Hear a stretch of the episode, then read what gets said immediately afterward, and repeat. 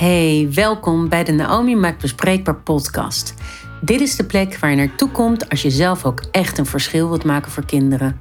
En om lastige onderwerpen op de rand van taboe bespreekbaar te leren maken.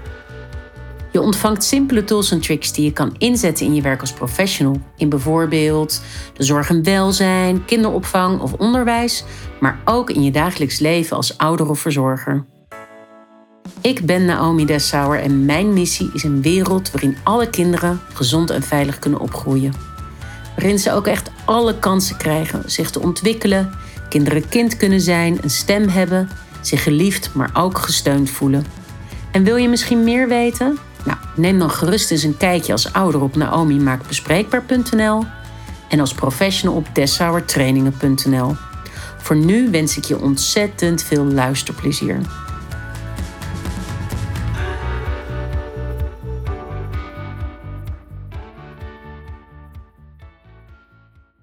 Ja, vandaag in de podcast is mijn gast Kees Hoefnagels. En Kees, ik, ik zei het net stiekem al eventjes toen de podcast nog niet aanstond, maar ik voel me echt heel erg vereerd dat ik met jou dit gesprek mag hebben en dat we daar ook een podcast van uh, mogen maken. Ik ben, ja, kijk heel erg uit naar dit gesprek, maar er zijn natuurlijk ook mensen die luisteren en denken, ja, Kees Hoefnagels, wie is die meneer? En ik weet het heel goed, maar voor diegenen die jou nog niet kennen, zou je jezelf willen introduceren? Ja, prima. Nou, ik ben vader van drie kinderen. En de jongste woont uh, thuis, uh, part-time bij mij of bij, bij uh, haar moeder. Die, die woont hier vlakbij. En even kijken. Ja, ik ben afgestudeerd als klinisch psycholoog, maar niet als klinisch psycholoog werkzaam. Ben ik ook nooit geweest en ook niet geregistreerd en dergelijke. Maar wat boeiend is, vind ik, in mijn opleiding dat ik eigenlijk in het eerste jaar al dacht, de loop van het eerste jaar, ik wil iets doen aan aan het voorkomen van psychische problemen, preventie. En het bestond toen nog nauwelijks, zeg maar, als een soort discipline. Maar ik dacht, ik had daar toen eh, trouwens hele eenvoudige gedachten over van, uh, hoe, hoe simpel dat was eigenlijk. Ik dacht uh, vanuit het feminisme en het marxisme, het gaat gewoon, we moeten die tegenstelling lonen bij het kapitaal en die man-vrouw tegenstelling oplossen en dan doen we aan preventie. Zo simpel dacht ik dat toen. Nou, dan in de loop is het van mijn... gefixt. Ja, dan is het gefixt. En in de loop van mijn studie kwam ik erachter, goodness, er zijn nog veel meer tegenstellingen. En um, die, die, die mensen klem zetten, zeg maar, waardoor ze uiteindelijk psychische aandoeningen kunnen ontwikkelen. Um, en daarnaast was er wel een grote verlangen, behoefte om dat op kinderen, jeugd, uh, jongeren, baby's, om het ja, toe te spitsen. Um, ben, nou, dat is zeg maar hoe ik in die studie stond en uh, afgestudeerd. En uh, ik ben toen bij de RIAG, die was net, bestond kort toen begonnen, bij de, als preventiewerker. En een functie die nu nauwelijks nog bestaat, maar heeft echt decennia lang bestaan. En heb ik tien jaar gewerkt. En ik merkte dat ik steeds meer geïnteresseerd was. Ja, we konden echt prachtige activiteiten ontwikkelen. Of dingen waar iedereen blij van werd. Van hey, dit is iets goeds. Kan ik even een voorbeeld van noemen. Maar ik wilde steeds meer weten, ja, wat, wat werkt er nou en wat werkt er niet? En toen ben ik naast, aanvankelijk naast mijn eh, baan op de RIAG, maar daarna eh, voltijds uh, onderzoeker, wetenschapper geworden. Aan, eerst bij twee verschillende of drie eigenlijk universiteiten en naderhand mm -hmm. bij onderzoeksinstituten die ook een duidelijke relatie met het veld, met het praktijkveld hadden. Trimbos Instituut voor Jonker. En nu bij de Hogeschool Utrecht, waar ik in het uh, belangrijkste lectoraat van de hele hogeschool werk, namelijk het lectoraat jeugd. Dus, uh, ja. ja. dus dat in een nutshell, zeg maar, en, uh, over mijn loopbaan. En ik kan nog iets zeggen over het thema waarover we zo gaan praten, of wat je had aangekondigd. Ik, op de RIAG en dat was in 1985, ja, was de vrouwenbeweging actief. En er was een boekje verschenen, De straf op zwijgen is levenslang. En dat was mm -hmm. van 13 vrouwen die seksueel misbruik door verwanten hadden meegemaakt. En dat boekje, dus dat maakte echt het incestprobleem in Nederland kenbaar, zichtbaar, hoorbaar. In de RIAG vroeg ik ook van, hey, hebben wij daar ook... Um, uh, ja, hoe moet ik het zeggen? Doen we daar iets mee? Je doet er iets mee. En hulpverleners die kwamen dat eigenlijk nooit tegen. En toen heb ik uh, met een collega hebben dossieronderzoek gedaan. En toen vonden we in 400 dossiers bij de afdeling jeugd twee boterzachte vermoedens van eventuele incest, bij, niet bij kinderen, maar bij moeders. Nou, dus dat aantal was zo laag dat we, dat we wel dachten, hier moeten we wat mee. En sommige hulpverleners vonden het wel prima dat we dat deden, want hoeven te zijn. Dat doet dan preventie, die doet dan de incest, dan hoeven wij dat niet te doen. Dus dat speelde zelfs nog bij een deel van mijn collega's. En anderen niet hoor, die wilden vol voor dit onderwerp gaan, maar dus dat, dat, dat, dat, die behoefte om dat af te schuiven, die, dat ver van mijn bed willen houden, dat was op dat hele pure menselijke niveau gewoon ook aanwezig bij, bij mijn collega's in de jeugd, uh, bij de jeugd GGZ. En daar begon dus ook eigenlijk het thema te spelen, als ik het zo hoor. Ja, ja, klopt. En ik werd daar, ja ik, je, ja, ik ging dingen lezen. Nou, vreselijk vond ik dat. Is, ik bedoel, dat gaat met tranen. Ik bedoel, daar moest ik ook om huilen van, van jemig. Um, wat erg. En, um, en het motiveerde gigantisch. Ik dacht, hier moet echt wat aan gebeuren. En ik ging een nieuw project starten. Hè. We kozen ervoor, een afdeling jeugd, wij gaan het incestpreventieproject gaan doen. Maar in die beginfase dacht ik, ja, maar moet het dan seksueel misbruik door verwanten zijn? Is seksueel misbruik door niet-verwanten, is dat dan niet erg? En misschien soms niet net zo erg? Ja. En daarna kwam de vraag, hallo, die, moet die mishandeling seksueel van aard zijn? Kan het ook niet seksuele mishandeling zijn? En toen is dus eigenlijk. werd eigenlijk verrijkt ook. Ja, ja, naar het thema kindermishandeling en ook al seksueel geweld. Dus op, die, op het domein van kindermishandeling en seksueel geweld ben ik eigenlijk toen heel ben ik actief geworden als preventiewerker mhm. en, uh, en als onderzoeker. Dus ik ging onderzoek daarna doen. Ja. Mooi. Ja. Ja, Kees, ik heb eigenlijk een, een vraag aan jou. En die stel ik eigenlijk aan uh, nou, bijna iedereen, of nee, volgens mij heb ik die tot nu toe aan iedereen gesteld die ik interview voor mijn uh, podcast. En dat is, wat vind jij nou een onderwerp wat echt absoluut bespreekbaar zou moeten zijn, moeten zijn en wij als maatschappij lastig vinden? En het is misschien een schot voor open doel en toch vraag ik hem elke keer weer. Wat is voor jou dat onderwerp? Ik denk, ik zit te puzzelen in een aan, op een aantal woorden. Het lijden en het recht van kinderen. Het belang van kinderen. Daar komt het denk ik in samen. Kan je iets meer over zeggen wat je daarmee bedoelt? Ja, ik denk dat we niet gewend zijn. Ik denk dat we een verkeerd beeld zelfs hebben over rechten van kinderen. Nederland breed. Ja, en als ik dat meer toespits, als er maatregelen worden genomen vanuit een overheid of van een gemeente, Mhm. Of van welke aard dan ook, door rechters. Het allereerste belang, als het maatregelen zijn die betrekking kunnen hebben op kinderen, dan vormt het belang van het kind de eerste overweging. Wat zou niet iets... moeten zijn voor jou? Nou, nou, niet volgens mij, maar dat hebben we als Nederland, dat is door de VN in het VN-verdrag in zaken rechten van het kind vastgelegd. Nederland heeft dat geratificeerd en het lijkt wel alsof we dat niet weten. En met geratificeerd bedoel je, dat hebben wij ondertekend. Wij hebben gezegd, ondertekend, wij, wij willen dat nastreven. Wij vinden dat belangrijk als land. Ja, ja. En ik denk zelfs dat we vanuit gewoon onze primaire responses daar wat de, uh, als volwassenen um, ongemak op ervaren. Dus hier zit een probleem met bespreekbaarheid. Dus dan, dat is het antwoord op jouw vraag. Van, ik denk dat we eraan moeten gaan wennen, hierover moeten gaan praten, dat kinderen voor ons gevoel misschien eigenlijk wat meer rechten hebben mhm. ehm, dan we geneigd zijn te denken. En dat gesprek zou ik vol willen aangaan in de samenleving. Ja, daar, daar ben ik straks ook wel benieuwd om daar nog iets meer over te horen van je. Want ik weet natuurlijk initiatieven waar je mee bezig bent. En ook heel actief. Ik ben er zelf ook een beetje betrokken bij, zo op de, aan de zijlijn. Maar als ik het mag samenvatten, Kees, dan zeg je eigenlijk nou gewoon de rechten van het kind, het belang van het kind, dat moet ten alle tijden voorop staan. Indirect hoort je dat zeggen. Dat hebben we als Nederland ook getekend. En daar, maar dat vinden we als maatschappij wel lastig om daar echt naar te kijken en het erover te hebben.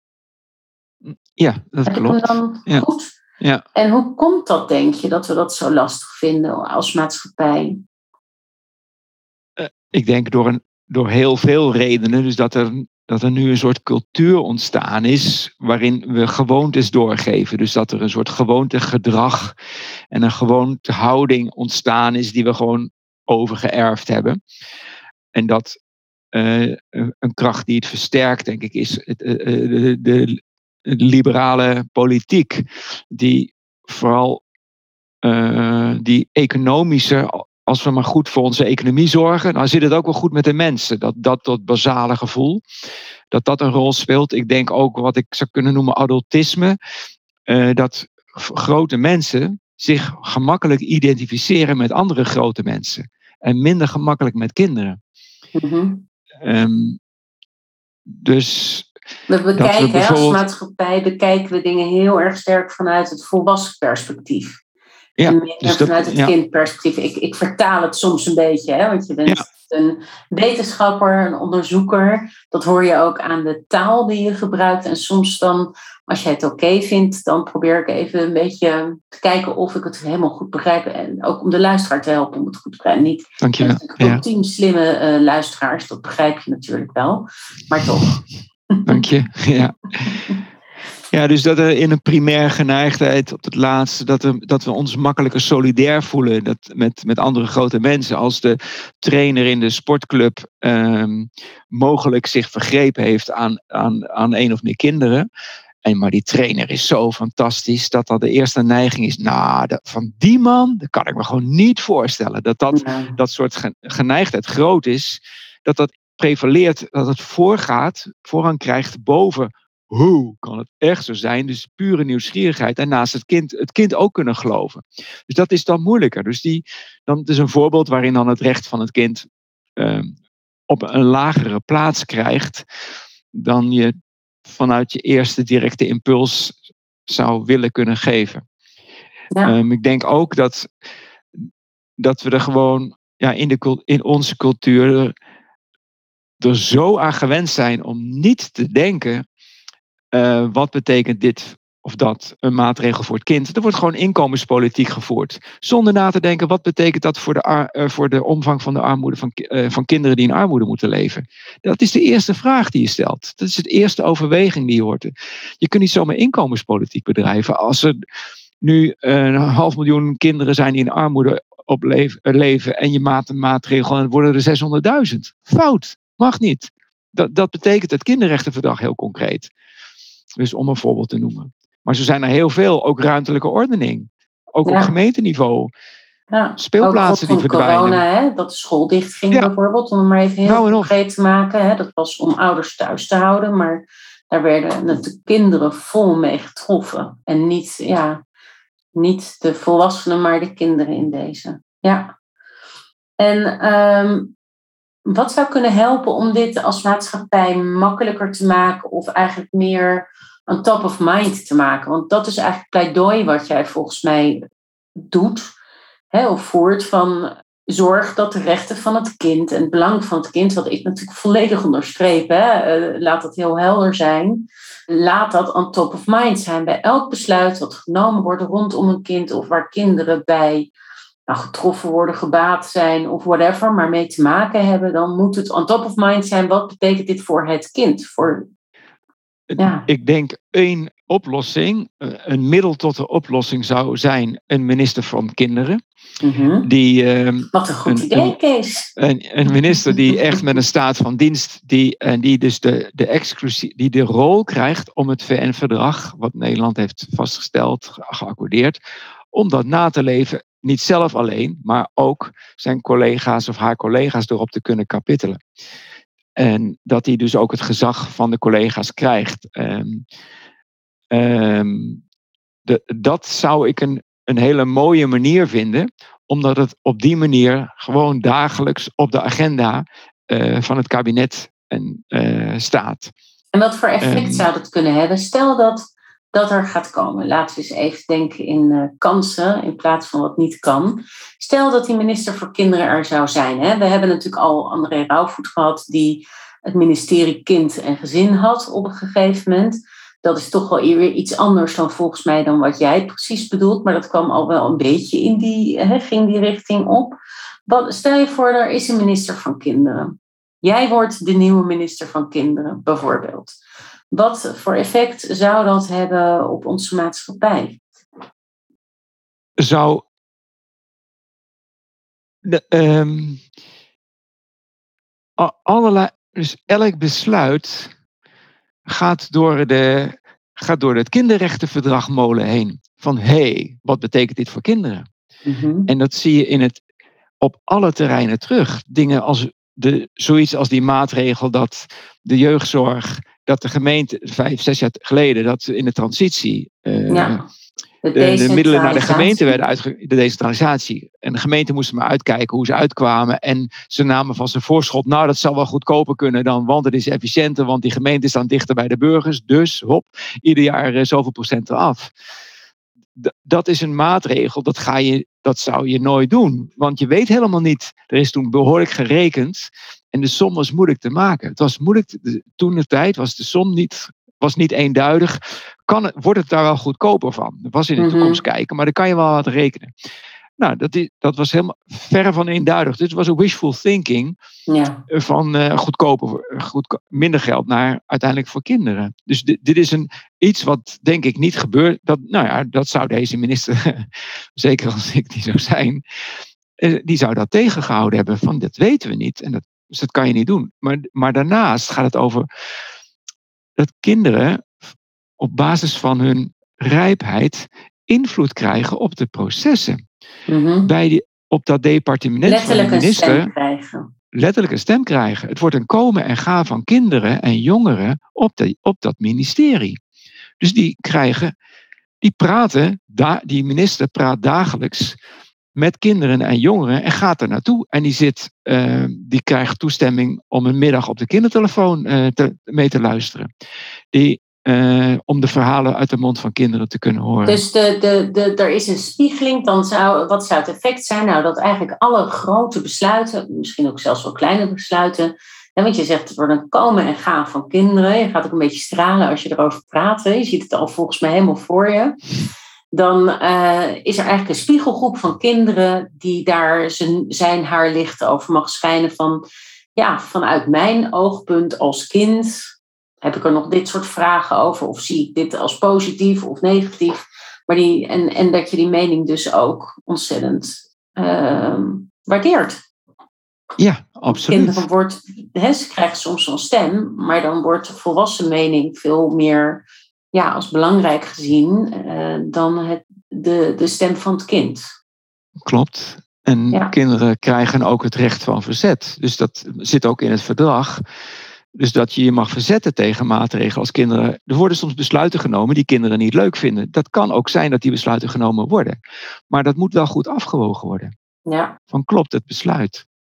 Het wordt niet van u ehm, vraagt wij draaien. Dat, dat is niet wat het model wat ik voorsta. Maar er moet een reële toets komen op, het, op wat het betekent voor allerlei belangen van kinderen. Kinder, zoiets als gezondheid. Ik, ik, nu in de pers speelt dat, dat van Tata Steel. Ik ben verbaasd dat, dat uh, gezegd wordt, er zijn geen juridische middelen. Uh, de, de, omgevingseffecten, die met name bij kinderen en bij uh, zwangere vrouwen en bij andere kwetsbare mensen groot mhm. zijn aan vervuiling. Er zijn geen juridische middelen, die zijn er wel. Dat is het verdrag van het recht van het kind. Ja. Om maar een voorbeeld te noemen. Ja. Ja. Ik heb me niet in de debat bemoeid, maar dat, nou, dat jeukt dan wel van, come on, dat is er wel. Maar dat is sowieso, dat is voor mij wel een heel mooi uh, haakje om even vast te grijpen van het jeukt dan wel. Het jeukte enorm bij jou en je hebt ook een heel initiatief uh, hierover opgezet. Um, kan je daar iets meer over vertellen aan de luisteraar? Ja. Want die minister voor kinderen is niet alleen maar een hersenspinsel van jou, die je zo hier noemt. Daar heb je ook wel iets concreets mee gedaan. Ja, daar ben je concreets mee aan het doen. Periodiek maak ik me natuurlijk boos over hoe we in Nederland met kinderen omgaan. Van wachtlijsten in de jeugdzorg. En, en, en dat is ook bij al in de bureau BVA, bureau vertrouwensartsentijd, later bij de AMK, adviesmeldpunt kindermishandeling, nu weer veilig thuis, dat ze met te weinig geld moeten rondzien te komen. Ik denk, mhm. waar haal je het in je hoofd om als er een melding van kindermishandeling is, van, van een melding van een vermoeden van kindermishandeling is, dat er dan niet genoeg personeel is om dat aan te pakken. Nou, daar word ik heel boos van. En um, dat in de coronatijd herhaalde zich dat. Ik vond het verschrikkelijk dat kinderen niet meer naar school mochten. En mhm. ja, nu weten we uh, dat er ongelooflijk veel kinderen, enorm hoog percentages, hun, hun psychische gezondheidsschade heeft opgelopen. Dat kon elke papa en mama, zeg maar, uh, een jaar geleden al voorspellen. Van hoe moeilijk dit is voor kinderen. Van verschillende leeftijden kan je ook weer ontwikkelingspsychologisch nog verschillende, mhm. zeker bij die, boven de 10, 12, van die, die hang naar peers. En dat is gewoon, we lieten kinderen, en ik vind ik een sociale hongersdood sterven. Ik vind het verschrikkelijk. Ja, je nou, bedoelt van je moet kinderen niet isoleren. Kinderen hebben gewoon behoefte aan andere kinderen van de leeftijdsgroep om zich heen. Hè? Ja. ja. En toen heb ik op verkiezingsavond, ja, dat, dat idee dat lag al een tijdje te rijpen en te, te liggen. Maar het is ook, uh, ik, me, ik word soms ook op mijn eigen beperkingen teruggeworpen. Van dat ik denk, ik wilde, wat, ik, ik, nou, wat er nog aardig is, is een jaar terug en lang ik, in die coronatijd, ik wilde al een aantal keer een, gewoon een artikeltje over schrijven. Gewoon in de, indienen de krant van uh, hoe we omgingen met het belang van kinderen in de, in de aanpak van uh, corona.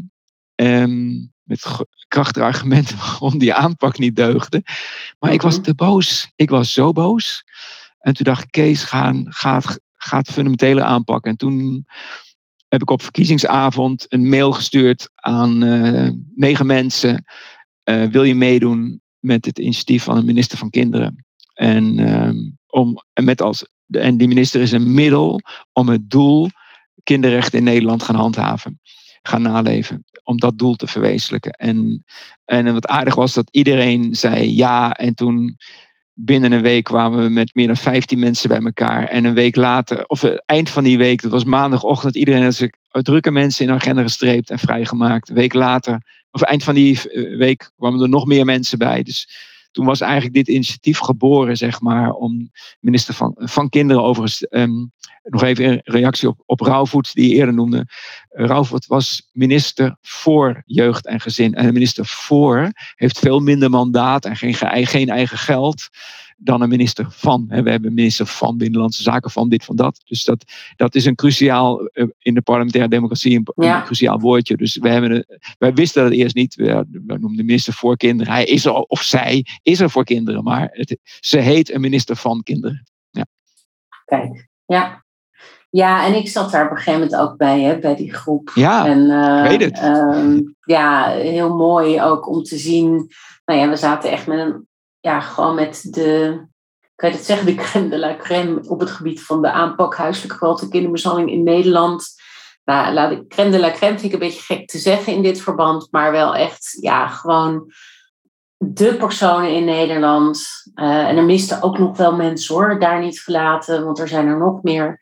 Maar ja, een hele mooie groep mensen die allemaal op zijn of haar manier proberen een bijdrage te leveren in het gezond en veilig opgroeien van kinderen in Nederland en ook daarbuiten. Want het zijn mensen die soms uh, internationaal uh, bezig zijn. En ja, dat vond ik er al heel bijzonder aan. En dat we allemaal heel duidelijk hebben van ja, daar moet meer gedaan worden op dat vlak.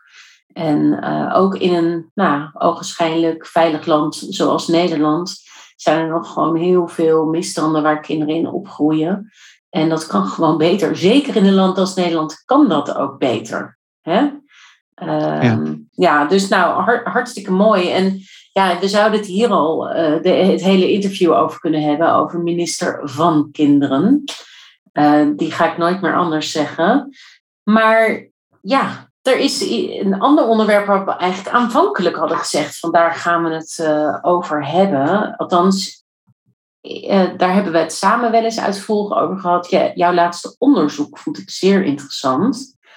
Um, je hebt meer hele interessante onderzoek gedaan, maar je laatste onderzoek heb ik ook een beetje mogen volgen, omdat je mij daar ook wel eens over hebt gebeld, om daar eens even in mee te denken. Dus daarom volg je het dan ook wat meer. En dat ging over, uh, jij mocht een onderzoek doen naar self-disclosure in het onderwijs, in het basisonderwijs. En wat is het effect? Ik zeg het natuurlijk niet helemaal handig, maar wat is het effect van self-disclosure? En vooral wat hebben die docenten, leerkrachten daarin nodig?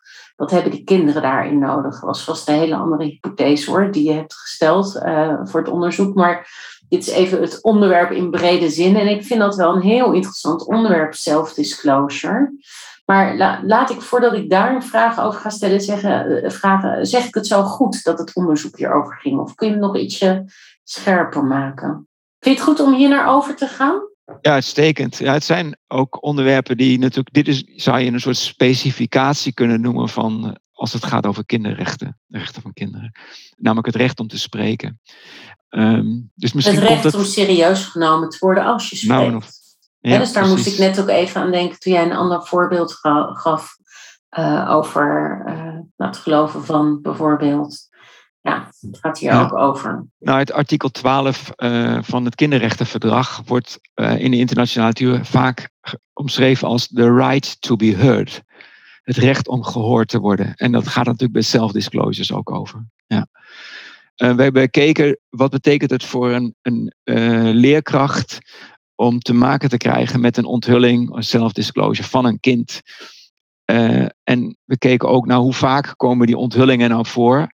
En er is in, voor zover ik vrij zeker weet, in heel Europa maar één plek waarin systematisch aan kinderen tussen 10 en 12, systematisch aan kinderen, een, een, een omschreven groep kinderen, uh, aangeboden wordt dat ze mogen praten over kindermishandeling. Dus dat wordt incidenteel op allerlei plekken gedaan. Maar mhm. systematisch, jaar in jaar uit, met een welomschreven groep, is maar één plek en dat is in Tilburg. Waarin uh, twee derde tot drie kwart van alle basisscholen een project uh, inkopen ieder jaar. En dat heet mhm. het Marietje Kessels project.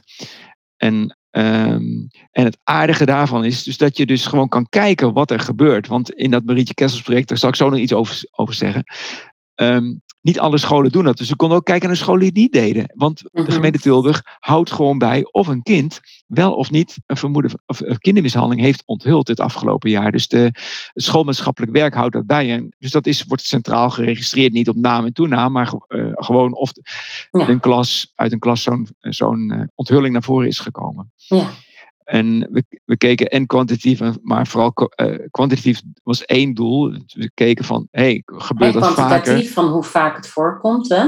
Precies, ja. En toen zagen we dat als uh, een school dat Marietje Kessels project uitvoert, dat meer dan twee keer zo vaak kinderen in een klas uh, een, een onthulling doet van kindermishandeling. En dan, als, dan scholen die dus dat Marie Kessels project niet in de klas nemen. En de meeste mensen weten, of in Tilburg kent iedereen Marietje Kessels. Uh, ook oudere mensen. Marietje Kessels is een, um, dus niet alleen kinderen, maar, want het project wordt al meer dan een kwart eeuw uh, uitgevoerd. Mm -hmm. Marietje Kessels was een meisje van het begin van de vorige eeuw, is verkracht en vermoord. En er wordt nog steeds nagedacht over wie de dader zijn, verschillende hypothesen, wie de dader geweest zou zijn. Maar dus dat is daar een begrip. En, um, en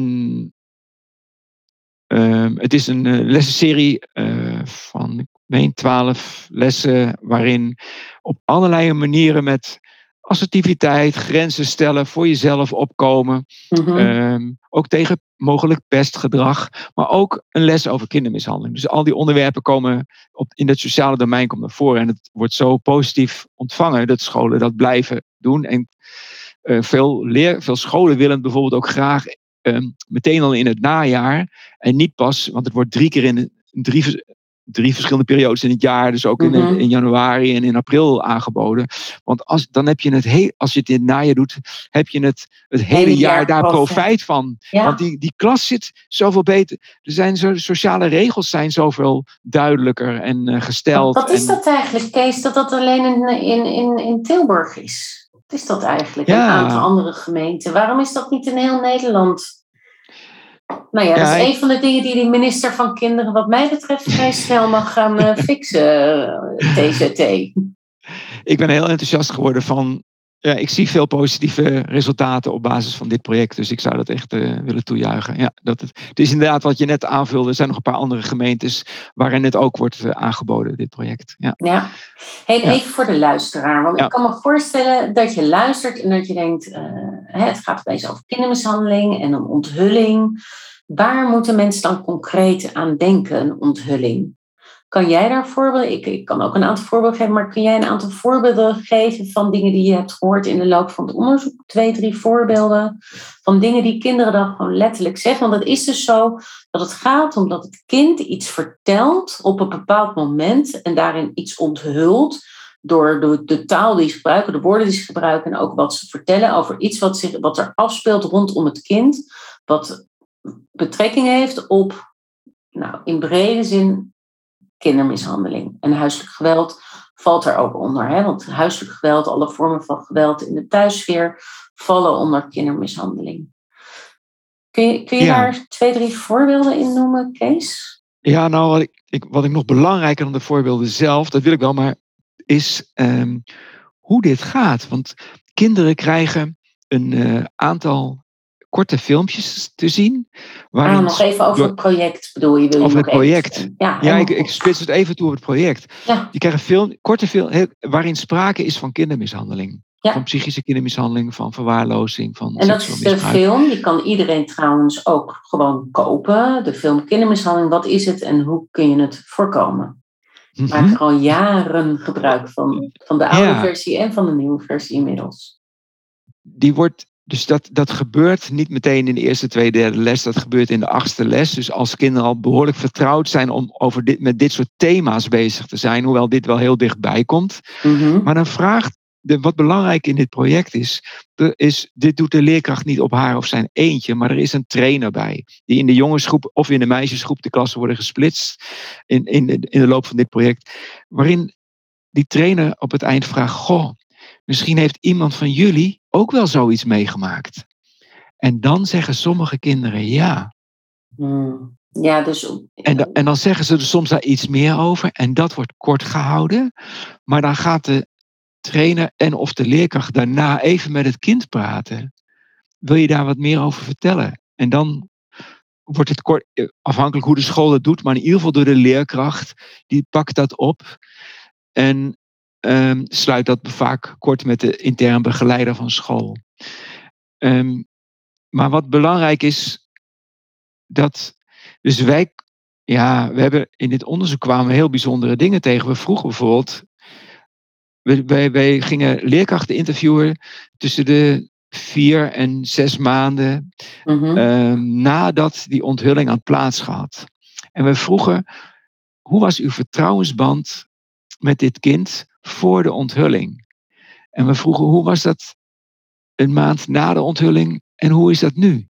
En wat bijzonder is, dat die vertrouwensband, we vroegen een rapportcijfer te geven, die ging van een 6 uit mijn hoofd de 6 naar een 8. Uh, ja. in, die, in die range, in die sfeer. Die werd gewoon steeds beter. Ik heb dat en ook gelezen. Dat is ook wat we van de leerkrachten terug horen. Dat zeggen ze dus ook met zoveel woorden. En, en ook dat het met het kind beter ging. Dus het welbevinden van het kind ging erop vooruit. Dus op één na van alle kinderen. Het had allerlei gunstige effecten, zeg maar. Terwijl het onduidelijk was of die mishandeling nog doorging. Want daar heb je ook, daar heb je als leerkracht, die waren, voelden zich behoorlijk machteloos van wat gebeurt er in die hulpverlening. Want, en ook vaak, dat, daar merken we niet, niks van. We weten niet of het daar beter gaat. Maar ook al is dus dat misschien niet beter, het kind heeft iemand waar zij of hij toe, naartoe kan gaan. En die leerkracht weet, dus er is, nou, dat is, die leerkrachten zijn van goud waard voor, voor, voor die kinderen. En hè, wat je ook soms van uh, slachtoffers op latere leeftijd wordt. Ja, die leerkracht, dat was mijn redder, mijn held voor altijd in mijn leven. Weet je? Dus die nemen ze mee. En dat is daar gewoon met zo'n vraag. Met een actieve vraag, een uitnodiging om te komen. En dat is wat ik nodig heb. En ik wil over dat, het belang daarvan nog een ander voorbeeld noemen. In de 1991, 92 vertelde helemaal in het begin iets over mijn RIAG-tijd. En toen ben ik begonnen, meegewerkt met, of met een aantal mensen, waaronder ik hebben een campagne opgezet. heeft zes jaar geduurd om dat mogelijk te maken. Maar toen werden toen alle Nederlandse netten, dat was Nederland 1, 2, 3 en uh, RTL 4, Mhm. zijn er spotjes uitgezonden uh, over uh, kindermishandeling, fysieke kindermishandeling, seksueel Oh, misbruik en ook psychische kindermishandeling. Wat gebeurt er bij de kinderen? We- werd aangemoedigd, als jij dat ook, heb jij het ook zo rot thuis? Dat zei, deed de voice-over toen van de toenmalige jeugdjournaalpresentator Mark van Praag. Die, die vertelde, als jij het ook zo rot eh, hebt thuis, zoek dan iemand en praat erover. Die je, zoek iemand die je vertrouwt en praat erover. En je kunt altijd de kindertelefoon bellen. Dat zei zij zo geweldig. En dat is wat dus ook massaal gebeurde. Kinderen, dus kinderen worden echt uitgenodigd door iemand die ze kennen van het jeugdjournaal bijvoorbeeld. En gaan dan de kindertelefoon bellen. Maar ik zou zeggen, die spotjes moeten sowieso gewoon afgestoft worden in een nieuw jasje en hergebruikt. Want die tekst zou ik ook niet veranderen. Uh, want dit is waar het over gaat. Ik heb trouwens jaren bij de kindertelefoon gewerkt. Dus word altijd blij als ik uh, de kindertelefoon hoor. Want dat vind ik ook nog steeds een van de mooiste middelen uh, die er zijn om nou, voor kinderen een haventje te geven. Om inderdaad wat dan ook maar te bespreken. Van leuke tot minder leuke dingen. Um, maar als ik het goed begrijp, Kees, is het dus zo dat jullie hebben inderdaad het onderzocht naar aanleiding van het project. Wat al jaren dag dus in Tilburg en omstreken uh, op scholen wordt gedaan. Daarin werd eigenlijk eerst heel goed duidelijk gemaakt, ja, wat versta je? Wat kun je als kind nou verstaan onder huisgeweld en kindermishandeling? En daarin werd eigenlijk bij kinderen afgecheckt van, ja, herken je hierin? Maak jij dit ook mee?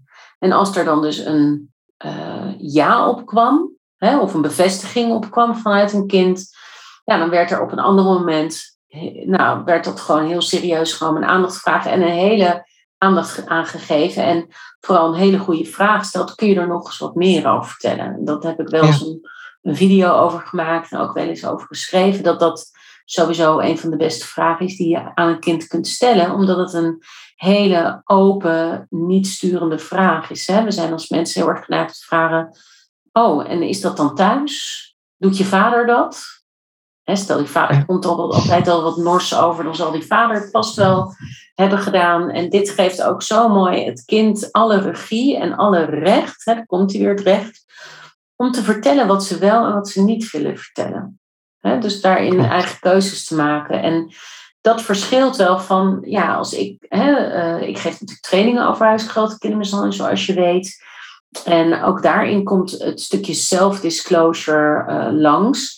En nou, dat zijn vaak scholen die niet per se zo'n project doen. Dus waarbij kinderen zelf op een bepaald moment ja, een signaal afgeven. Of, en een disclosure, self-disclosure is dus dat ze letterlijk zeggen: Ik maak thuis mee dat dit of dat gebeurt. Hè? Dus ze zeggen bijvoorbeeld, dan ik ze zelf even een paar voorbeelden. Ze zeggen bijvoorbeeld, nou, um, ik, een kind wat heel erg moe is en de juf vraagt, wat ben je moe? Hoe is het? En het kind zegt, nou, kon vannacht niet slapen, want papa en mama waren zo boos. Ze waren het schreeuwen en ja, ik hoorde slaan. En toen dacht ik, als het nog maar goed gaat met papa, bijvoorbeeld zou iets kunnen zijn wat een kind zegt, hè, dan uh, verstaan we dat, dan is dat ook een self-disclosure. Dus dat is er in een iets ander verband. En in, de, in het afwerkingskader wordt de self-disclosure zelfs ook gezien en als een acute onveiligheid. En als ik even kijk, want ik heb natuurlijk iets me ingelezen in het onderzoek wat je, wat je hebt gedaan en uh, de, nou, wat je daarover geschreven, het hele rapport. En je schrijft ook, als een kind zelf vertelt dat het wordt mishandeld, is dat een dijk van een signaal dat niets aan duidelijkheid te wensen overlaat. Dit is trouwens uit een interview van jou, zit niet denk een quote van jou. Dus er staat ook achter, zegt Hoefnagels. En er is soms niet veel voor nodig om kinderen uit te nodigen hun verhaal te vertellen. En ja, dat vind ik ook zo belangrijk, dat mensen zich realiseren met zo'n self-disclosure. Hè, van dat zijn dus gewoon opmerkingen van een kind over iets wat het meemaakt. En ja, bij kindermishandeling en huisgeweld zien we vaak één ding terug. En dat is vaak dat het gehuld is in stilte. Hè? Dus we zien vaak dat het er niet over gaat. En het het is soms zo dat kinderen ook echt bedreigd worden. Je mag het er niet over hebben. Maar in heel veel gevallen is dat eigenlijk een onuitgesproken regel van het gezinssysteem. Ja, daar hebben we het gewoon niet over. Dit is iets wat thuis gebeurt of, of in ons gezinskring. En daar hebben we het met anderen niet over. Of het kind denkt, hier moet ik het niet over hebben, want er staat het op het spel. Of het kind heeft niet eens bewust door, maar doet dat gewoon. Dus ik vind het zo mooi dat je zegt, het is een dijk van een signaal. En dat ben ik helemaal met je eens. Dat hoe belangrijk het is dat we dat bespreekbaar maken. Ik kan me nog heel goed herinneren dat ik, dat ik in mijn tijd bij Bureau Jeugdzorg, bij wetenschappelijk werken van oorsprong, jaren bij Bureau Jeugdzorg gewerkt en dat, we, dat ik bij een zorgadviesteam overleg zat. Of bij een, nou, in ieder geval een, een multidisciplinair overleg op een, op een middelbare school. En dat een juf al heel lang wist dat een meisje uh, incest meemaakte, uh, want haar broer misbruikte haar. En de juf die had dat jaren bij zich gehouden, want dat had dat kind in vertrouwen aan haar verteld. En dat is zo eentje die nog altijd zo in mijn brein. Hè, je hebt van die, van die casussen als maatschappelijk werker, die blijven zo met je meegaan. Ja, ja. Dat is een van die dingen. Daar heb ik me toen heel erg voor ingezet dat, dat, dat daar iets mee moest. En dat dat dus weg moest alleen uit de vertrouwenheid tussen de leerkracht en de leerling. Wat natuurlijk wel heel fijn is dat dat er is. Maar het moet wel gaan stoppen. Ja, ja. Ik wil iets zeggen. Er zijn meerdere dingen waar ik al op in wil haken. Maar één, iets over de stilte. Het, het, ook in dit geval, dus het meisje maakte incest mee, in jouw voorbeeld. En de leerkracht nam dat ook mee. En die bleef ook daar stil over. Dus de stilte heeft ook een soort inherente dynamiek om stil te blijven. En wat mijzelf altijd raakt, is dat als in het voorbeeld van de telefoontjes die bij de kindertelefoon kwamen nadat er een spotje op televisie was geweest.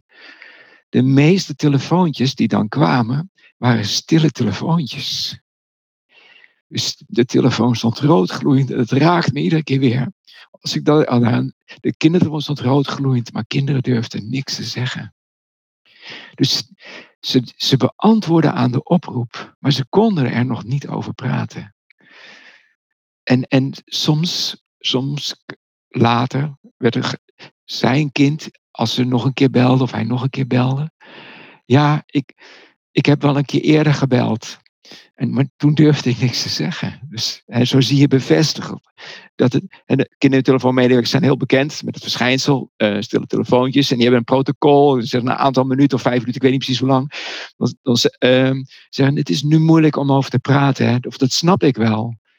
Maar wij, wij zijn er altijd. Dus als jij weer wilt bellen, bel je dan ons weer op. Weet je. Die hebben een heel vriendelijk protocol waarin ze het kind aanmoedigen om gerust weer te bellen, maar niet om eindeloos die lijn bezet te houden met een stil kind. Zeg maar. Dat kan je ook, dus ik weet niet precies hoe, maar de, ze hadden toen de tijd heel sympathiek beleid, voor mijn gevoel heel doelmatig beleid.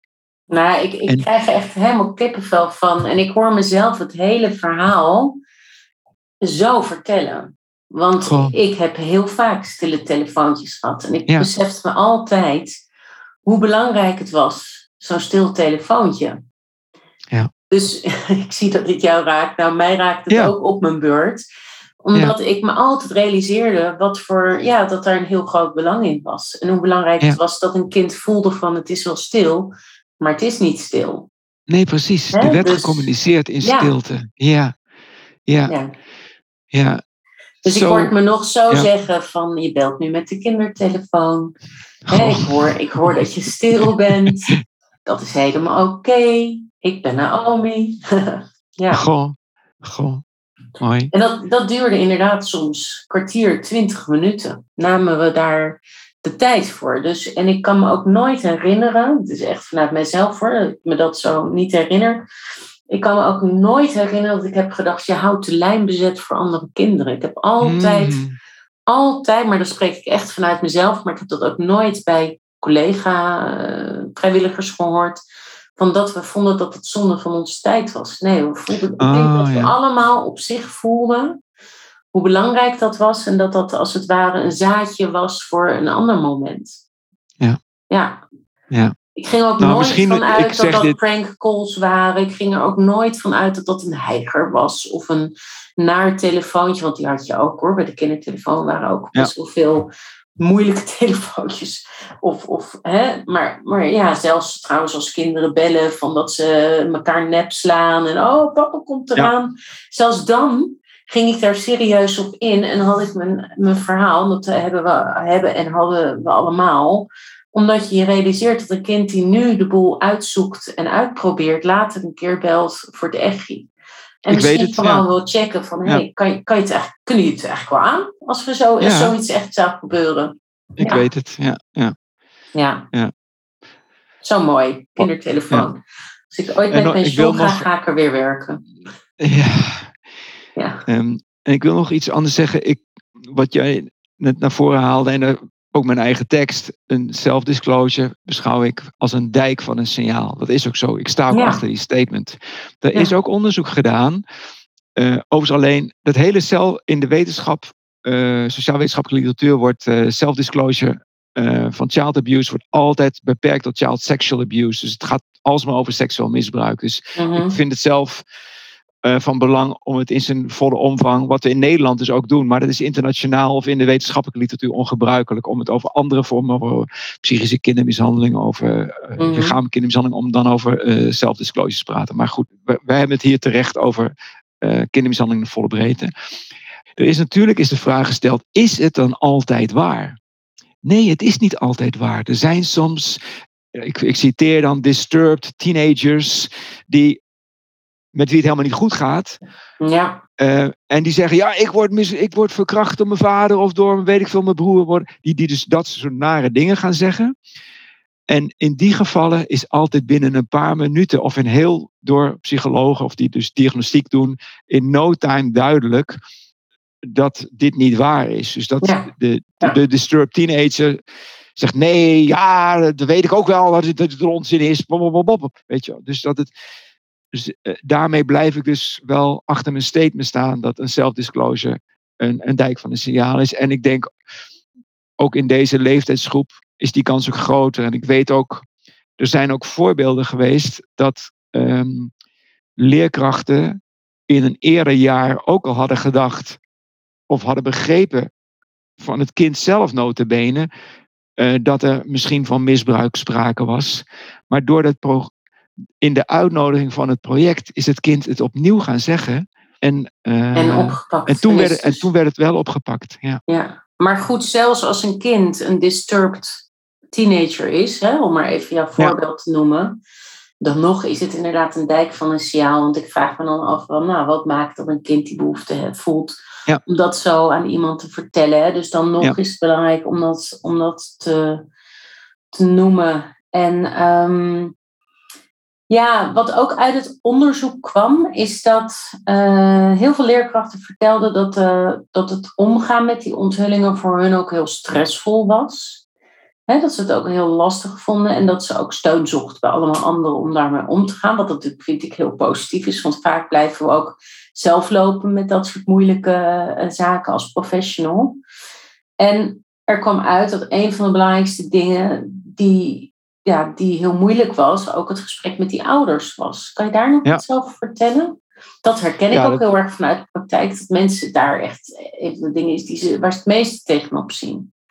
Ja, uh, dit stond met uh, stip op één, zeg maar, als het meest uh, stressvolle. -hmm. de, wat ik belangrijk vind hier aan te zeggen, ze deden, wat ze dus altijd in korte tijd deden, was bin, uh, en in bijna, ik geloof in alle of bijna alle gevallen binnen een week, maar vaak binnen een paar dagen, werd met de ouders contact opgenomen. Dus er werd wat kort gesloten met de interne begeleider en uh, werd met, met de ouders contact opgenomen.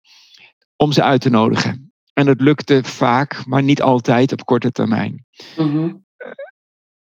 ook omdat ouders afwerend waren of. Nou, wat heel belangrijk is voor de leerkracht, omdat het zo spannend is.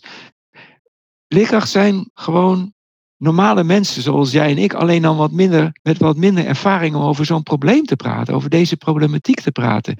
En die hebben dan allemaal hele menselijke gevoelens als uh, dat ze misschien die ouders onterecht beschuldigen. Dat soort ja dingen kan je denken. En ook die moeten heen door wat ik helemaal in het begin noemde, die, die stille solidariteit die volwassenen kunnen hebben. Want je praat dan als volwassenen met elkaar. Je kan de angst hebben uh, naar het kind toe. Ja, het kind heeft het mij verteld. Maar mag ik dat dan wel, als het niet goed is uitgewisseld met het kind is, kan ik dat dan wel uh, aan, die, aan die ouders vertellen? En wat betekent dat? Wordt het dan niet onveiliger voor, die hoor voor ik kind. heel dus, vaak. Of wat ja, dus er zijn zo, ze hebben eigenlijk heel veel redenen om er tegenop te zien. Echte, re, gewoon normale mensen redenen ja. om er tegenop te zien. En ook professioneel. Ze hebben heel veel rug, dus heel veel rugdekking is nodig. In de meeste situaties uh, die we onderzocht hebben, voerde de intern begeleider, die zat het gesprek voor. En had, was de rol van de leerkracht gewoon te rapporteren wat het kind verteld had. Hmm. En, en, en vervolgens werd er dan een vervolg aangegeven, zeg maar. En uh, meestal was kind er niet bij. Zo, zo werden die gesprekken, zo gingen die gesprekken de, korter of langer. En was de Sommige leren nou nog één. Ja, nog één. Eh, de angst was soms zo groot, omdat ze bijvoorbeeld, ja, die vader, die ken ik wel. Zwaar, eh, breed geschouderd, zwaar getatoeëerd, eh, wist van wanten. En dat een leerkracht het organiseert dat de, uh, de, de, sterkste mannelijke collega uh, tijdens dat gesprek van drie kwartier in de gang, maar voor het lokaal blijft lopen, achter een gesloten achter de deur, om direct in te kunnen springen als, als, als, die, als die kabaal hoort. Zo, zo angstig kunnen mensen zijn en helemaal ongegrond is dat niet. Ik weet, dat, dat gebeurt niet zo gauw, want ze, die ouders snappen ook dat ze in een in een, set, in een officiële setting zitten van een, van een school. Maar ik weet dat wij ook rug, eh, in een ander onderzoek, uh, dat wij ook rugdekking boden tot, uh, aan als studenten die interviews deden bij gezinnen waarin sprake was van huiselijk geweld. Daar interviews gingen afnemen. Er was altijd er was een maatje en er was iemand buiten de, die interviewsetting die dus direct, ik ook kon, kon direct gebeld worden en ik had een protocol hoe te handelen. Ah, maar jij wilde wat zeggen, maar ik wilde dit nog aanvullen. Vertel. Nee, heel goed. Heel goed dat je dat aanvult, want het is ook super belangrijk. En um, nou moet ik natuurlijk even bedenken wat ik nou wil vragen. Oh, dan ben ik het kwijt. Zie had ik het moeten opschrijven. Um, ja, ik weet het weer. Nou, je zei dat de intern begeleider en de leerkracht dan samen zo'n gesprek deden met ouders. Dat dan heel goed voorbereiden en ook de rolverdeling eigenlijk heel duidelijk was. Nou, natuurlijk heel erg belangrijk. En ik denk dan meteen als trainer, zijn die mensen daar dan voor opgeleid? Of waren die intern begeleiders dan bijvoorbeeld ook opgeleide aandachtsfunctionarissen of hè, aandachtsfunctionarissen, huisgeveld kindermishandeling? Kregen ze daar, was dat ook onderdeel van het project dat ze daarin een stukje extra scholing of know-how in kregen? Nee, de, uh, dus binnen dit project is dat, was er niet een ook nog een soort aanvullende ondersteunende opleiding voor de IB'ers, intern begeleiders, om. Uh, of, of de, uh, sommigen zullen aandachtsfunctionaris geweest zijn, maar lang niet allemaal. Mm. Dus, uh, nou ja, ja want, ik, want dat ja. is wat ik ook ken van professionals die ik train, dat dat echt wel iets heel ingewikkelds is. Zeker als er zo'n heldere nou ja, zorg is of iets wat is opgevallen waarvan je als professional denkt, hé, hey, dat is bijzonder, dat moeten we bespreekbaar maken. En dan vinden heel veel mensen dat toch wel heel ingewikkeld om dat direct ook op tafel te leggen. En nou, met volle respect voor alle aanwezigen toch gewoon duidelijk helder neer te leggen. Klopt. En het, het vermengt zich zo, het professioneel en het persoonlijk optreden is die zo sterk vermengd. Hè? Dat zagen we ook in het onderzoek, dat veel IB'ers en, uh, en leerkrachten ook veel steun zochten. is wat heel adequaat is als, je, als er een stress in een copingparadigma, als je het over copingstyles hebt, mm-hmm. nou, dan uh, wat doe je bij uh, spannende, stressvolle omstandigheden? Dan zoek je social support. Dat was wat massaal gebeurde. Zowel binnen school als ook vaak privé. Zowel de leerkrachten als IW'ers. Ja. En over dat, dat, die, die, die opleidingscomponent vind ik nogal van belang toe te voegen dat in Tilburg echt heel veel aandacht besteed is aan het scholen van, uh, dus het bijscholen of deskundigheidsvoering aanbieden aan leerkrachten en, en IB'ers en aandachtsfunctionarissen binnen scholen. Maar ook hoor ik terug uit de praktijk dat je dat niet eens één keertje moet doen, maar dat je dat na een aantal jaar gewoon moet herhalen. Dat die boost nodig is om dat te kunnen blijven doen. Ja, het is gewoon. En je zou, ja, je zou eigenlijk willen dat het net als een BHV gewoon een jaarlijkse ja. herhaling zou hebben. Ja. ja. Ja, en. Uh, en want de, de, de, de maatschappelijke. Zij doen iets wat wij als samenleving ontzettend ingewikkeld vinden. Zij, zij zijn echt frontjes. Frontsoldaten zijn ze. Ja, ja en die moeten goed toegerust zijn daar op de ja, frontlinie. Precies. Ben ja, ik helemaal precies. met je eens. Ja, ben ik helemaal met je eens. Um, maar inderdaad, uh, Brabant uh, sowieso uh, en Tilburg en omgeving zijn gewoon super actief. En dat zie je ook continu met alle projecten die ze daar hebben. En is er ook een taskforce. Dat is de enige taskforce kindermishandeling die er nog is in Nederland. Nou, nee. Die, opge die wordt opgegeven dit najaar. Dat meen je niet. Ja, heel jammer. Heel jammer. Ja. Ik vind het jammer. Ja, ja. Ach, wat jammer. Jeetje, nou dat vind ik echt uh, jammer om te horen, want ik vond het super. Nou ja, ze hebben sowieso, dat, dat gaat nooit meer weg. Ze hebben hele mooie dingen neergezet, maar het is jammer dat die beweging dan niet meer doorgaat. Ja. Ik had nog een andere hele mooie quote in het onder, in, gezien in stukken die ik heb gelezen. Als een reuzensteen die in een ogenschijnlijke, ogenschijnlijk stille, rimpelloze vijver valt, dondert. En uh, een quote van jou is nou, van hun onthulling was de steen in hun buik. Herken je dit? Dit is toch wel van jou? Dat ik niet straks een quote heb van iemand anders. Nee, ik ja, ja. Een steen die zij toevertrouwde aan de stille, vaak ogenschijnlijke, rimpeloze vijver. Hulde aan hen, bewondering voor hen. Dus ook bewondering aan de kinderen die die disclosure dan ook op dat moment durven te doen. Hè? die steen durven te laten donderen, zou ik maar zeggen. Ja, ik heb grote bewondering voor alle kinderen die dit gedaan hebben. Ja, die, die hun ding gezegd hebben. Ja. Zo belangrijk voor de rest van hun leven. Ja. ja, mooi. Nou, ik vond het een heel mooi beeld. Het is heel, eh, heel beeldend. En ja, in hoeverre denk jij nou dat zo'n onderzoek hè, en, en wat er dan uitkomt, in hoeverre denk je dat dat uiteindelijk ook verschil maakt voor het veilig opgroeien van kinderen? Waarom zijn die onderzoeken zo belangrijk? Zoals dit onderzoek. Maar je hebt er nog veel meer gedaan in, in de loop van je carrière. Ik vind van dit onderzoek maakt zichtbaar. Ja, dat een, kort gezegd, dat de wereld ietsjes beter kan worden.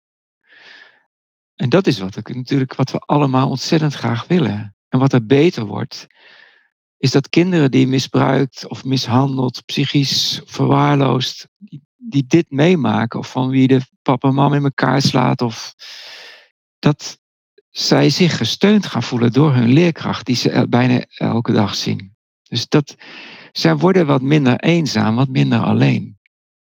Omdat ze het hebben kunnen zeggen en omdat ze geloofd worden. En omdat ze weten dat ze, als het een keer helemaal zich verdrietig voelen, dat ze even na school of in de pauze of een ander moment even daar naartoe kunnen gaan. Dus Terwijl de mishandeling misschien wel doorgaat. Maar dat kan ook. Dat wordt dan deel van hun leven. Dus, en ik zeg niet dat dit een wet is die altijd zo moet toepassen. Maar ik, ik was on, zelf, ik wist ook niet van tevoren wat eruit kwam. Maar ik was onder de indruk van dit is gewoon zoveel positieve effecten. Ja. Ook voor de leerkracht trouwens. Maar vooral voor die kinderen. Dus uit de mond van de leerkracht gaat het, gaat het beter met die kinderen. Hebben ook een voorstel om uh, ook een onderzoek onder kinderen te doen. En daar heb ik gewoon, uh, had ik extra geld voor nodig. En nou, kost, dat heb ik. Ik had te weinig tijd om, om daar nog veel meer, werk van te maken. Maar ik wilde het eigenlijk ook wel weten hoe, kinderen daarop terugkijken. Want ik kan gewoon eerste klasses vragen. De, kinderen in de hulp, kinderen die gemeld zijn uit lokale teams in Tilburg in die eerste klas zitten twee derde à drie kwart heeft het Marietje Kessels gehad, project gehad. Dus ik kan hun vragen, hey, hoe is dat toen gegaan? Weet je dat nog? Heb je, weet je nog dat ze een, les over kindermishandeling? Ja, ja, ja, ja. Weet je, daar kan je een ah, gesprek over voeren. Nou, dat zou mooi zijn, zeg. Ja. ja. Het zou mooi vervolg zijn op dit, uh, nou, al, zo waardevolle onderzoek. Want aan de ene kant ja, is het dus duidelijk hoe belangrijk het is dat je kinderen dus in staat stelt een onthulling te doen en die ruimte ook biedt. Als we onthulling doen, dat serieus te nemen en daar dus naar te luisteren en mee met kinderen in gesprek te gaan. En vervolgens zou het er zelfs toe kunnen leiden dat mishandeling uh, ook echt aan het licht komt en mogelijk zelfs gestopt zou kunnen worden, doordat er goede begeleiding komt voor een gezin. Dus ja, eigenlijk zo'n disclosure en die ruimte daarvoor bieden, ja, dat kan zo'n draagkracht toevoegen aan het leven van een kind. En dat is wat kinderen nodig hebben. Als ze heel erg veel stress en spanning hebben, ja, moeten daar positieve, fijne, goede dingen tegenover staan. En dit zou zo'n heel belangrijk positief ding kunnen zijn. Net als dat zo'n goede band met je leerkracht, ja, dat kan overleven betekenen. Dat ene ding kan maken dat je het overleeft. Ja. Eh, en dat je later bijvoorbeeld kan verwerken, omdat er je schatkistje een beetje gevuld is. Ik noem dat altijd je schatkistje. Ja. Is er nog iets niet hè, we hebben natuurlijk. Hè, ehm, ik kan er nog ja, er is iets niet ter sprake. Maar ik was inderdaad benieuwd, is er nog iets niet ter sprake gekomen rondom het onderzoek, wat we natuurlijk helemaal tekort doen hè, eh, in vogelvluchten nee, zo. Maar iets nog niet besproken waarvan je denkt, ja, maar dat vind ik ook nog wel belangrijk om te noemen of mee Ja, ik vind in dit onderzoek nog wel belangrijk uh, hoe vaak nou kinderen um, zo'n onthulling doen als ze mishandeld zijn. En dat weten we natuurlijk niet uh, sec. Maar omdat ze daar al over jarenlang uh, die onthullingen bijhouden. En we ook weten hoeveel kindermishandeling in Nederland er voorkomt. Heb ik gewoon heb ik wat zitten rekenen. En we hebben eigenlijk twee um, omvang de, de omvang van kindermishandeling in Nederland, hè, die wordt, zijn eigenlijk, wij zeggen heel vaak 119.000.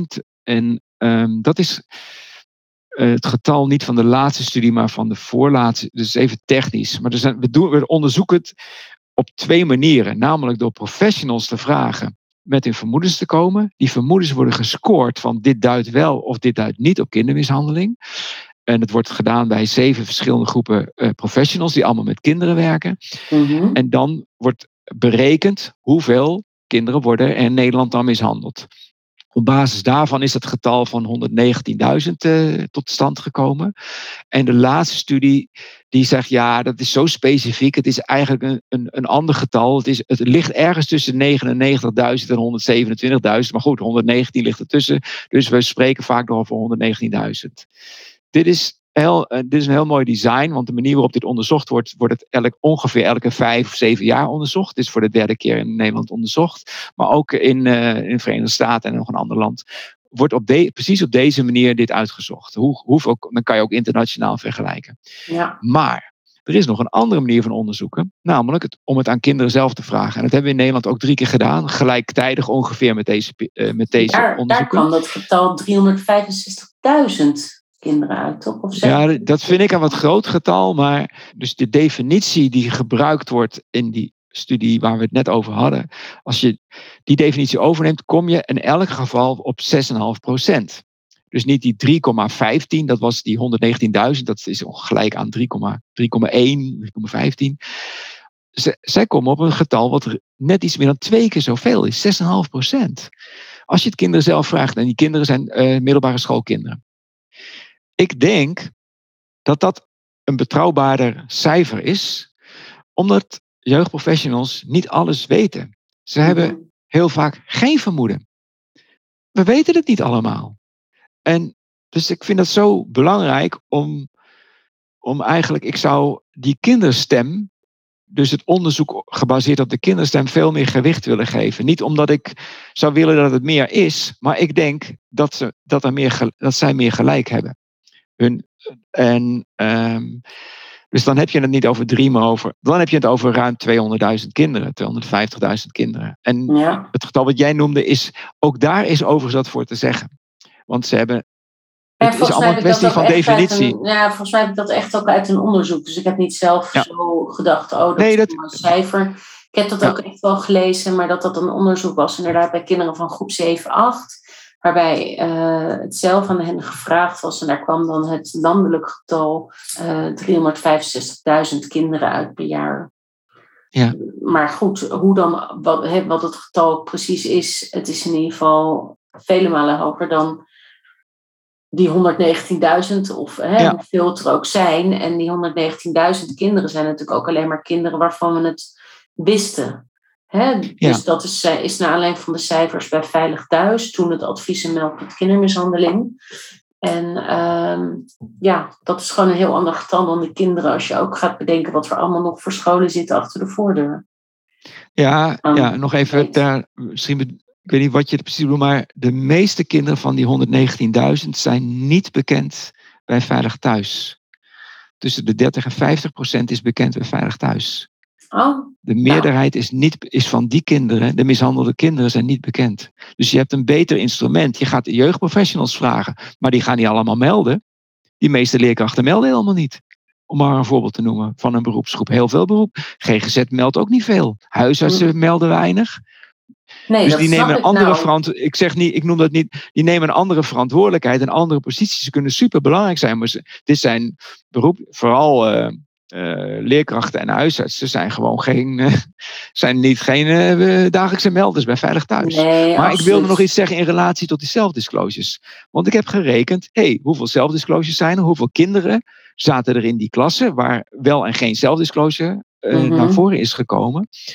En, en dan dacht ik, ja, waar moet ik nou van uitgaan? Van die 3,15% of van die 6,5%? Ik heb het even allebei gedaan. Mhm. Als ik van die 3,15% uitga, dus, eh, ehm, dan is iets minder dan de helft van alle mishandelde kinderen hebben een onthulling gedaan. En als ik uitga van die 6,5, dus dat er veel meer kinderen mishandeld worden. Nou, het aantal zelfdisclosures wordt niet meer. Dan heeft Mhm. iets minder dan een kwart, 22% van de mishandelde kinderen een onthulling gedaan. Ja. En wat ik wil zeggen, de helft tot de meerderheid van de mishandelde kinderen heeft geen onthulling gedaan. En ik weet niet precies, we weten, dit onderzoek vertelt niet waarom. Nee. En daar heb ik wel, maar daar heb ik natuurlijk wel gedachten over. Maar ik vind dat belangrijk. In het, als je zegt wat, wat is er niet besproken. Zo'n programma leidt niet per definitie tot een onthulling als je mishandeld wordt. Bijvoorbeeld omdat het kind denkt, ja, in die spotjes, wie ik nu zie op tv. En dan krijg ik de vraag, heb jij dat ook meegemaakt? Nou, bij mij gaat het wel een beetje anders. Ja, Weet je? het. Bijvoorbeeld, Ja. dat is een Ja. manier om. Of, hallo, ik ga dat hier niet zeggen. Ik kijk wel beter uit. Ja. Ik, moet daar, ik moest mijn mond overhouden en dat doe ik. Dus er zijn hele goede redenen voor een kind om het niet te zeggen. Of, goede, of er zijn gewoon voor het kind goede redenen om het niet te zeggen. Tuurlijk. Ja. Dus dat, dat vind ik wel belangrijk om toe te voegen. Ook, ja. En ik denk dat herhaald uitnodigen helpt. De, deze week eh, wordt een eh, onderzoek gepubliceerd in een heel mooi internationaal tijdschrift. Wat ik gedaan heb naar aanleiding van eh, de Klokhuisuitzendingen. Dus de, toen in 2013 zijn vier, heeft Klokhuis vier uitzendingen over kindermishandeling gemaakt. En in 2015 zijn die weer herhaald. Maar wat Ja. boeiend is, is dat er ook een lespakket gemaakt is. En ik heb onder 800 kinderen, die hebben we gemeten met een lange vragenlijst voordat dat, eh, die uitzendingen en het lespakket begonnen. En ook weer een paar maanden daarna. En we, we hebben vergeleken, als je dat lespakket in de klas kreeg, wat dat met kinderen deed eh, ten opzichte van kinderen die Dat niet hadden. dat lespakket niet kregen. Ze konden allemaal klokkers op televisie zien. Dat, kan- dat kan ik niet onderscheiden. Dus dat kregen ze dan. De controlegroep kreeg eigenlijk ook een, een beetje interventie, namelijk dat wat op televisie, maar niet het lespakket. Nee. En er zitten heel veel dingen die ik van belang vind voor dat hele disclosure vraagstuk en over dat herkennen. Want we hadden vignettes gemaakt over psychische mishandeling, verwaarlozing en fysieke mishandeling. En we hebben onder andere gevraagd, dit waren vignettes, dat zijn korte verhaaltjes waarin iets gebeurt tussen een kind en één of twee ouders. En die, hebben dus, die kregen ze voor de, van tevoren en die kregen ze een aantal maanden later nog een keer. En wat, wat opvalt, is dat heel veel kinderen vinden die situaties. Vind je dit ook? Vind je dit kindermishandeling? Nee, zegt ruim een kwart. Die vinden het helemaal geen kindermishandeling. En wat ik van belang vind in het disclosure vraagstuk is, we weten niet, wil je zeggen wat andere kinderen denken of je hierover zou mogen praten of niet? Dat weet je misschien niet, maar wat denk je dat andere kinderen? Technisch Mhm. heet dat in een gedragstheoretisch model de perceptie van de sociale norm. En de perceptie van de sociale norm is een determinant, een bepalende factor die iets zegt over je gedrag en je gedragsintenties. Dus ik ga er wel of niet over praten. Die dus als je denkt, ehm, iedereen vindt roken stoer, nou dat is dan een reden om lekker te gaan roken. Dat gedrag is dan roken. Ja. Vind je, wat mij opviel in het onderzoek, dat de helft van de kinderen wist niet of andere kinderen vonden dat je hierover mag praten. En een zevende van de kinderen vond zelfs, nee, die niet andere kinderen vinden dat je er niet over mag praten. Dus wij hebben in het beeld van de kinderen, hebben wij een norm die niet erg uitnodigend is om hierover te praten. Maar het is nog belangrijker, want we hebben gekeken, hebben kinderen maanden la, twee maanden later na het programma, zijn ze erover gaan praten? Of niet? En niet Mhm. over eigen ervaringen, maar gewoon over kindermishandeling. En wat zie je? Dat die kinderen met die positieve perceptie van die sociale norm, die dachten dat andere kinderen wel vonden dat je er wel over mag praten, dat was sterk van invloed, dat medieerde in technische termen, het wel of niet praten. Dus die kinderen gingen vaker praten na school Ja. over kindermishandeling. Dus die cultuur van het zwijgen, waar we zo, die vaak in de literatuur benoemd wordt, die is wel degelijk te veranderen. Door Dat, Door aan die perceptie van die sociale norm aandacht te besteden. Van kinderen toestemming te geven. Je mag hier in onze school, in onze klas, in onze omgeving, in onze straat. Je mag hierover praten. Ja, dat is natuurlijk, het is gewoon super hoopvol nieuws eigenlijk. Het is dus te doorbreken. Ja. We moeten het alleen gaan doen. En het, het mooie is wel hè, dat als jij nu leerkracht bent en je luistert hiernaar en je denkt, ja, ik heb een groep 6 of groep 7 of 8 bijvoorbeeld. Ik zou zeggen, het is vooral op 7 en 8, hè, het klokhuis gericht. Dat is gewoon er nog. Dus dat kost niks. Het is gewoon op internet te vinden. Klokhuis-serie kindermishandeling. Het zijn echt vier prachtige afleveringen. Ik zou wel als je leerkracht bent het zelf eerst bekijken en het programma bekijken. Want je moet goed voorbereid zijn voordat je het gaat doen. Maar ik zou echt zeggen, ga het doen. en overleg ook op je school of dat niet vast in het curriculum kan komen. Zodat elke groep 7, 8 dat gewoon gaat doen. Ja. Want ja, je kunt daardoor ook als leerkracht en als school, of misschien ben je wel directeur, luister je naar dit gesprek, ja, kun je, van, kun je gewoon heel groot, van heel grote waarde zijn op het leven van een kind. Het kan dus betekenen dat een kind wel of niet gaat praten. En die, ja, die, die rimpelloze vijver uh, ja, iets minder rimpelloos wordt. En, en er dus gesproken wordt en die stilte doorbroken wordt. ja. En je dus ook een cultuur kan veranderen op een school waar je het er dus nooit over hebt. In, wij praten hierover. Ja. maar goed, ja, op scholen worden er zoveel onderwerpen natuurlijk eigenlijk te nauwe nood besproken. Maar kindermishandeling is daar zeker eentje van. Ja. Nou, ik ben blij dat je dit nog uh, toe hebt gevoegd. En ja, deze week komt die wetenschappelijke publicatie. We hebben het echt hard met, met best stringente methodologische eisen hebben we dit goed vastgesteld, zeg maar. Dus eh, het komt deze week. Uh, Misschien ga je er wel iets, uh, iets over delen op LinkedIn, uh, Kees. Ja, dat was ik, dat, dat wist ik al van plan. Ja. Dus wil, je, wil je sowieso ja, Kees volgen? zoek hem dan op op LinkedIn, hè, want daar ben je in ieder geval heel actief. En daar, nou, kunnen jullie, uh, kun je contact, uh, ja, kun je Kees gewoon gaan volgen en volgen wat hij doet, welke onderzoeken, hoe dat gaat met die minister van Kinderen. En dan ben ik benieuwd, want voor mij, Kees, ben jij dus een van de personen in Nederland die mij inspireert op dit vlak. Ik volg graag wat je doet en ik vind het ook nou, interessant wat je doet, onderzoeken. Dus nou, voor mij inspirerend als professional in dit werkveld. Uh, maar wie, wie is of zijn nou inspirerend voor jou in dit werkveld. Nou, dankjewel dat ik je mag inspireren. Ja. Nou, dat is fijn om te horen. Goh. Ja. Uh, goh, ik vind heel veel mensen inspirerend. Even kijken. Want wie ik in ieder geval wil noemen. Ja, twee mannen die een grote. die mij inspireren. Herman Baartman, voormalig hoogleraar preventie of aanpak, preventiehulpverlening in zaken kindermishandeling.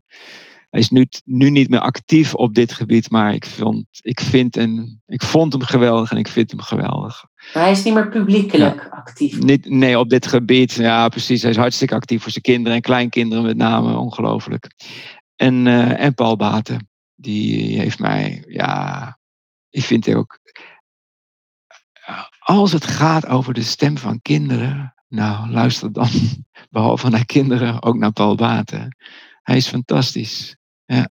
En hij durft ook zo oorspronkelijk te denken. En ja, zo mooi. We waren in Zuid-Afrika in 2000, denk ik was, het jaar 2000. Mhm. En hij vroeg een uh, social worker in, uh, in, uh, in Zuid-Afrika, ja, wat, hij vroeg, wat gaan jullie dan doen als er een melding komt? En die social worker, ja, natuurlijk, dan ga je, dan ga je er naartoe. Ja, waar ga je dan naartoe? Ja, naar dat kind natuurlijk. En dat is bijzonder.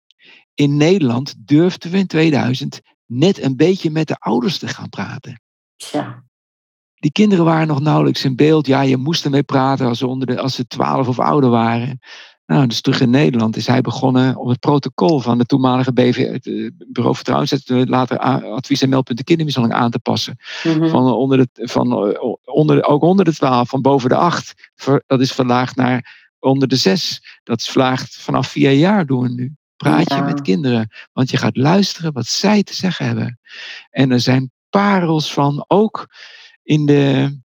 Ja, ik, ik blader nog even terug voor ons gesprek. Ik kan je daar. Dat is een beetje een verhaal van ongeveer een minuutje. Is dat, is dat tijd voor nog? Ja, daar maken we gewoon, gewoon tijd voor. Eh, maar we gaan wel richting een afronding. Ik heb ook nog Ja. één vraag voordat we echt afronden. Maar kom maar door. Over waarin het. Ik wil een voorbeeldje noemen van een meisje van zeven jaar. Dat gewoon haar stem had invloed op wat er daarna gebeurde. En dat is een casus met herhaalde politiemeldingen van huiselijk geweld, vader tegen de moeder. In dat Nederland meisje of in een ander in land? Nederland. Ja. En op de vraag die het meisje van zeven krijgt, eh, wat niet leuk is, dat ze, zegt ze dat ze bang is. Dat ze moet kiezen tussen één van haar twee ouders. En dan komt de vraag, stel dat er vanavond een tovervee komt, waar jij nu de volgende ochtend kan zien dat die tovervee geweest is. Hij is heel stellig. Dan hebben mijn vader en mijn moeder allebei een eigen huis. Die informatie is me- samen met het kind teruggegeven aan de ouders. De hulpverlener is met de ouders gaan zoeken naar oplossingen. De ouders beseften dat door die verhalen van hun kinderen en dit meisje, dat deze situatie echt niet zo kon doorgaan.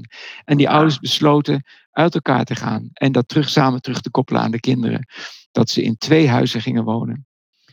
Het meisje van zeven riep, yes! Terwijl ze opsprong van de stoel, vroeg ze: Welke koffer mag ik voor vanavond inpakken? Die van papa of die van mama? Sinds die avond zijn die ouders apart gaan wonen. ja. Nou, En hoeft het kindje dus niet meer bang te zijn. ja, Ja. zo mooi. Prachtig. Ja, zo nou. simpel kan het zijn. Ja, maar we moeten. Ja. eh, Ze vertellen het vaak, maar we moeten ook luisteren. Ja, Dat we moeten ze vragen en dan luisteren. Ja, en dan ook ja, echt ja. luisteren. Ja. Wat is jouw absolute droomscenario voor kinderen die opgroeien in deze wereld? Dat is mijn laatste vraag, Kees. Ah, ja, dat het in liefde en in veiligheid. We hebben te veel over veiligheid en onveiligheid. En ik vind dat het veel te veel met de mond beleden wordt, maar niet als het op de pro- professionele praktijk, dat, daar sta ik gewoon allemaal 100% achter. De politiek beleidt het met het. De veiligheid met de monden, veiligheid voorop. Ik hoor het allerlei ministers van VNJ eh, zeggen. Maar als het om kinderen aankomt, dan wordt dat gewoon niet serieus genomen. Er wordt niet gedaan wat nodig is. Maar ik mis het woord liefde. En het gaat over aandacht. Dus dat er gewoon Dus jouw aandacht voor kinderen is. droomscenario is dat Dat er liefde en veiligheid voor kinderen is. Voor alle kinderen. Voor alle kinderen, ja, natuurlijk. Ja. Ja, mooi. Ja, dit was wel En voor professionals wil ik misschien wel iets zeggen van dat het een groot verschil is of je niet groot mag zijn van jezelf, of wel groot mag zijn voor jezelf, voor wat je doet en niet doet op aarde. Oh, ik voel me zo geneigd om daar nog 3000 dingen over te vragen. Maar laten we die maar gewoon laten zakken en laten zijn. Kees, ik wil je ontzettend bedanken voor een heel erg interessant en boeiend gesprek. Waar ik nog genoeg over ga doormijmeren. Want eh, nou, het roept ook allerlei vragen en nieuwe dingen op. Maar ja, ik vond het voor nu echt een heel waardevol gesprek. En ook denk ik een heel mooi pleidooi eh, aan. eh, nou ja, iedereen die heeft geluisterd en aan diegenen die niet hebben geluisterd, zegt het voort, zegt het voort. We moeten beter luisteren. En, eh, en kijken en opletten en de gelegenheid geven te praten. En dat zou echt een wereld van verschil kunnen maken.